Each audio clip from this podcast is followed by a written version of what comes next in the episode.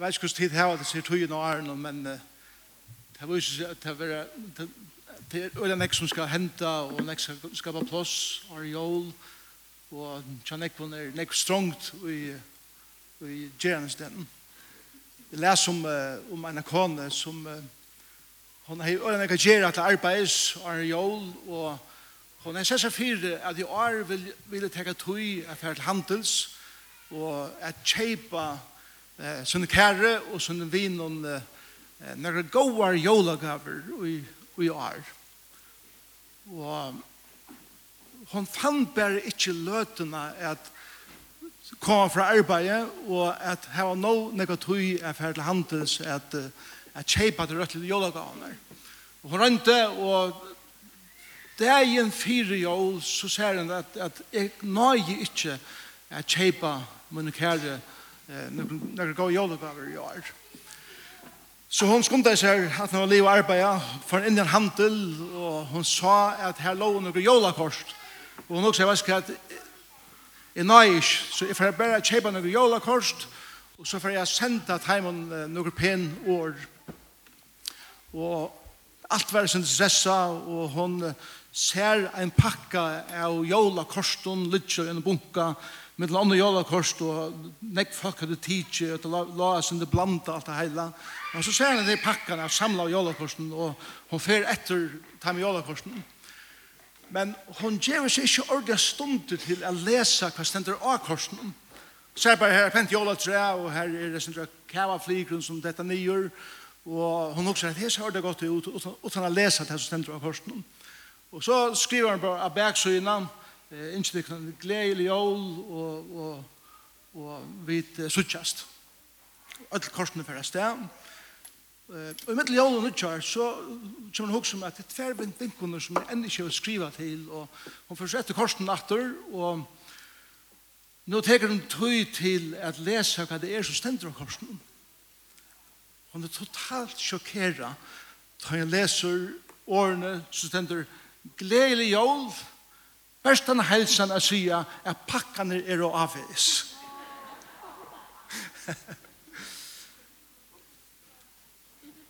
Jeg er glad for at patchen som vi tar seg om og som vi synes om ikke er avvis. Han er kommet. Besta jólagavan av öllum. Lyga mykje hver du erst, lyga mykje hver du kommer fra, så har vi uh, finnje neka som er bedre enn neka anna vi kunne hugsa okkom Og det er ikke et ting, det er en personer. Og han eide Jesus. Høvesgrunden for at vi er saman her i det er tog at Jesus kom til okkara.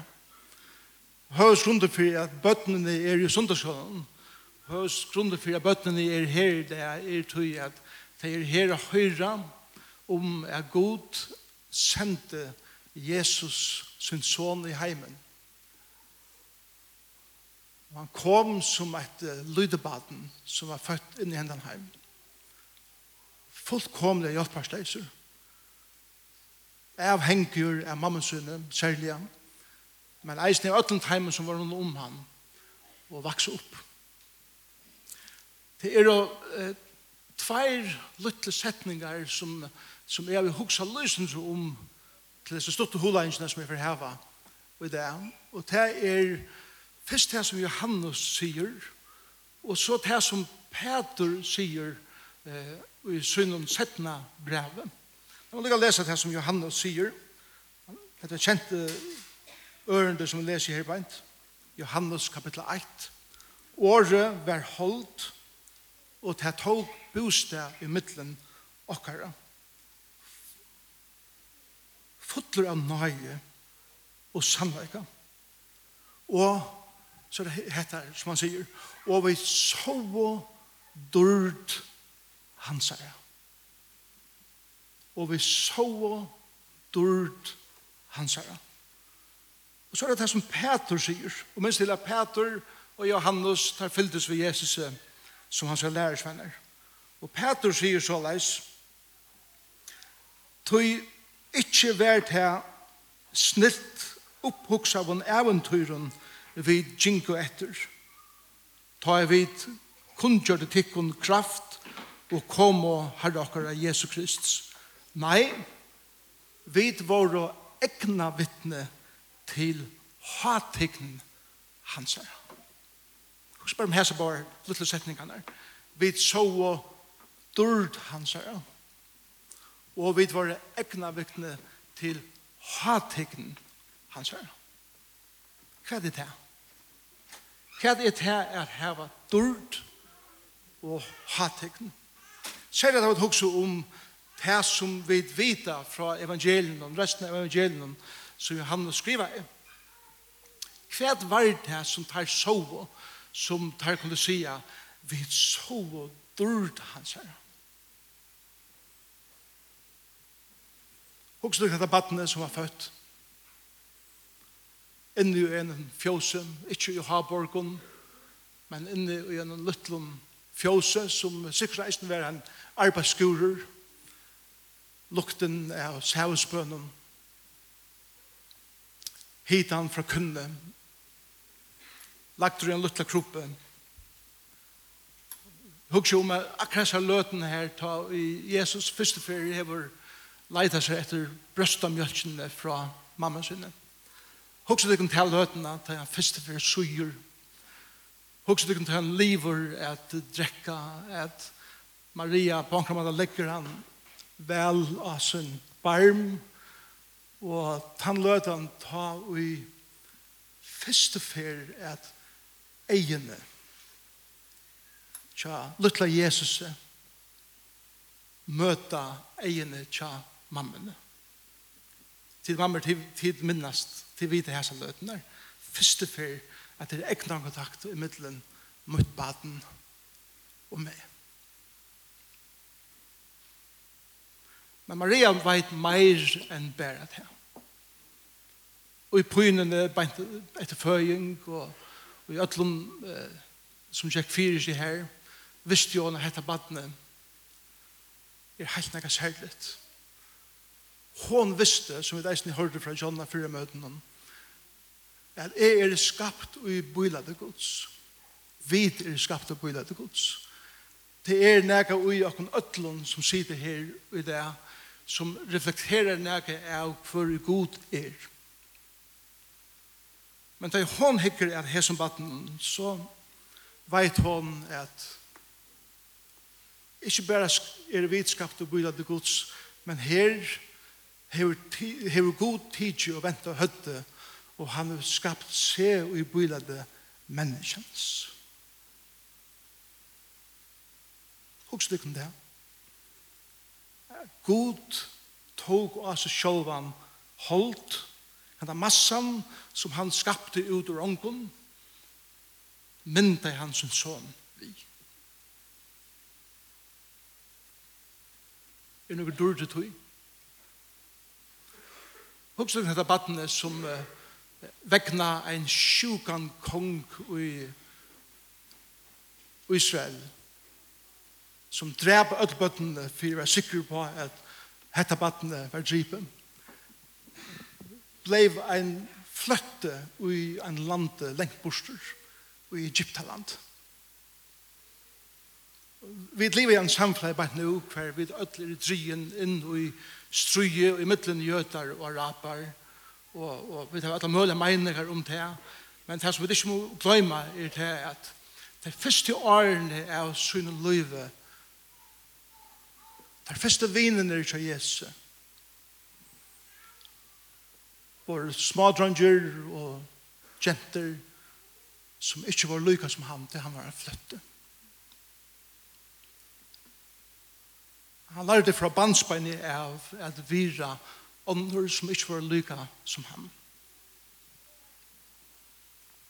Han kommer atter at han har tvei, tru år kanskje og kommer til en lytla bygd i Galilea som eiter Nazareth. Nazaret var en byer som tog bare kord i kjøkkenen.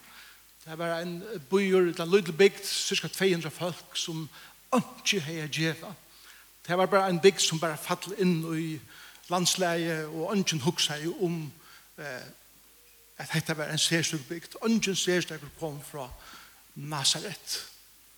En av lærersvannen spurte jo, han spurte ikke, kan jeg godt komme fra Nazaret? Men det var noe dyrt og tog Nær sa Johannes, nær sa Peter, dyrd Jesus her. skal være det ta i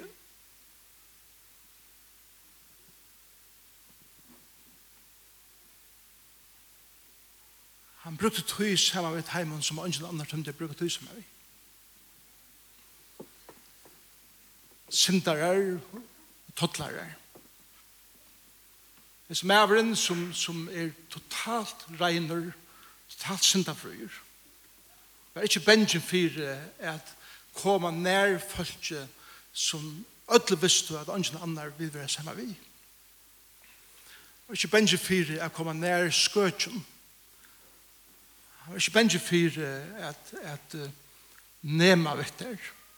Han var ikke bengen for at ta og en spedalske personer kom som måtte råpe og Arne kom nær, følte spedalsker, eller åregner, åregner, for at folk kunne få tøy å fære fra dem til å komme nær hva sånn Jesus gjør det akkurat det øvet at han får nær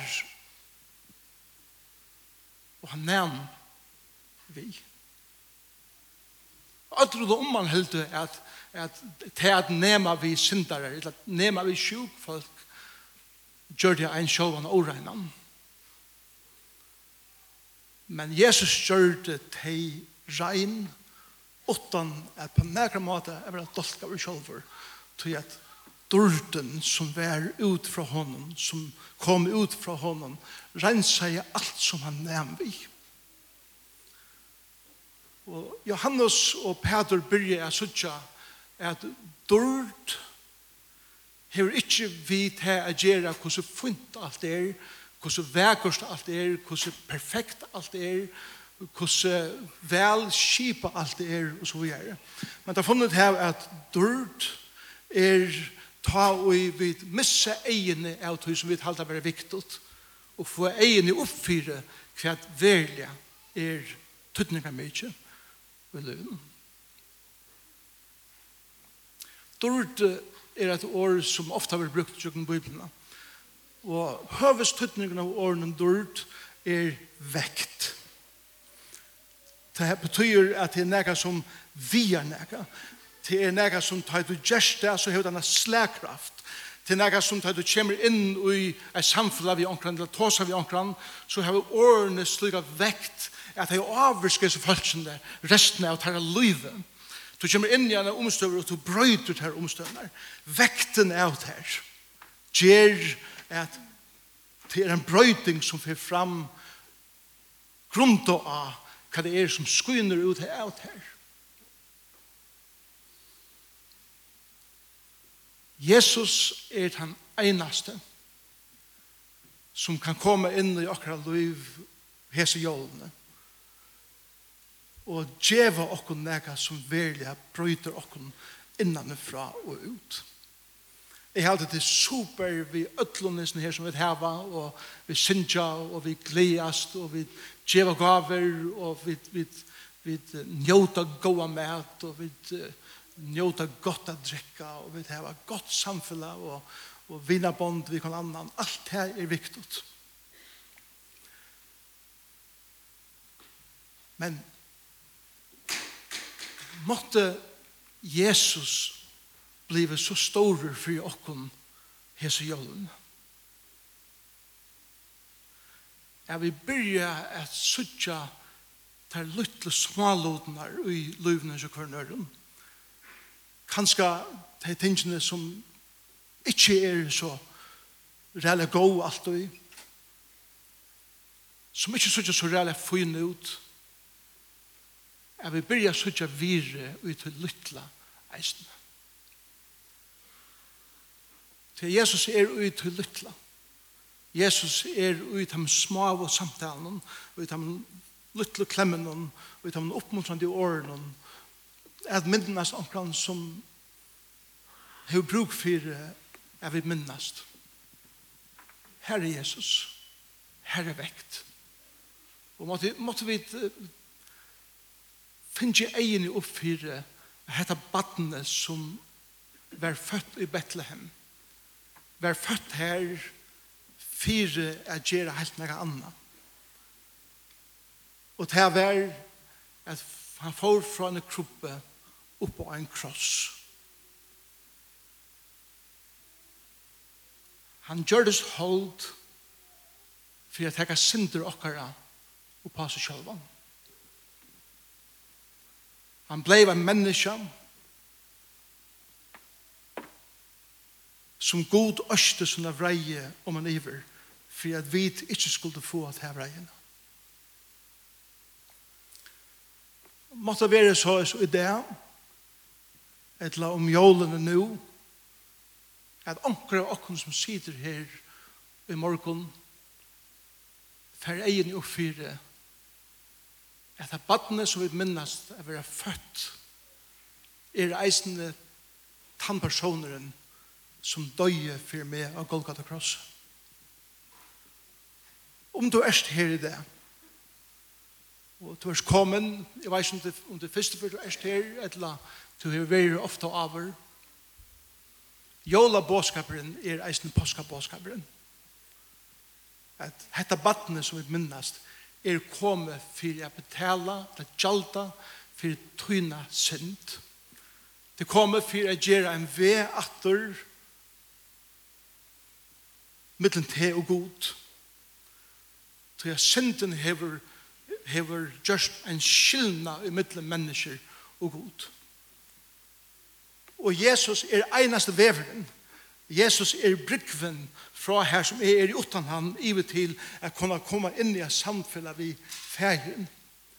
Ta Jesus får opp av Golgata kross, ta gjør han til fire at tega tyna sint, og mina synd, og okkara skyld, alt det som er skreft og gæl i okkara livet og betala for det.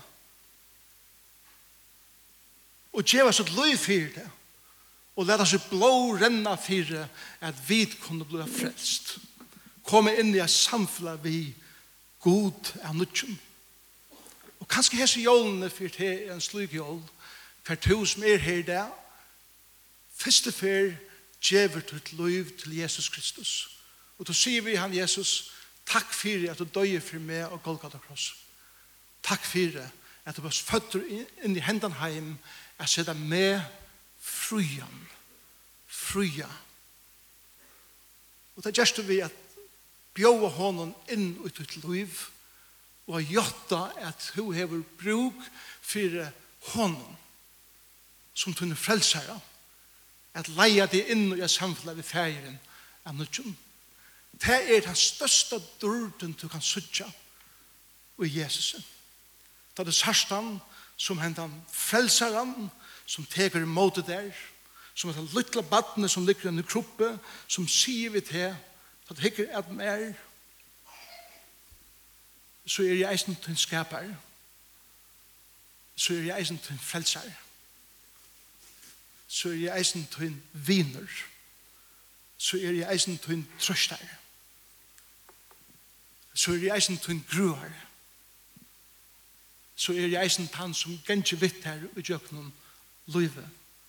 Lyga mykje hver du strøyest vi, lyga mykje hver du berer på, lyga mykje hver jeg sjuk du berer på her det. Så er det badne som vi minnes til her det. Er samme maver som døy av krossen for det og den samme som sier at jeg vil djeva ter liv og jeg vil være at han som gengjer samme vi ter og i jøknen livet lyga mykje hvordan det ser ut slå be sammen Jesus tyndur er veldig ofte ute i småa men vekten i det små brøyder mitt liv. Og her tar jeg tidsi av det som baden så sutja vi eisne mannen av krossen så sutja vi eisne han som talaje og heimeren vær så sutja vi deisne han som tar vi møtat her eia til eia skal sige velkommen heim til gode og trygge tænere. Vi takkar for at, at jola båskaperen ikke ble borster i øtlen jola resen. Vi takkar for at det ikke er et lyft om at gava fere kama, men til en gava slank og er kjivjokken. Takk for det, Herre Jesus, og prysa ber ut navn. Amen.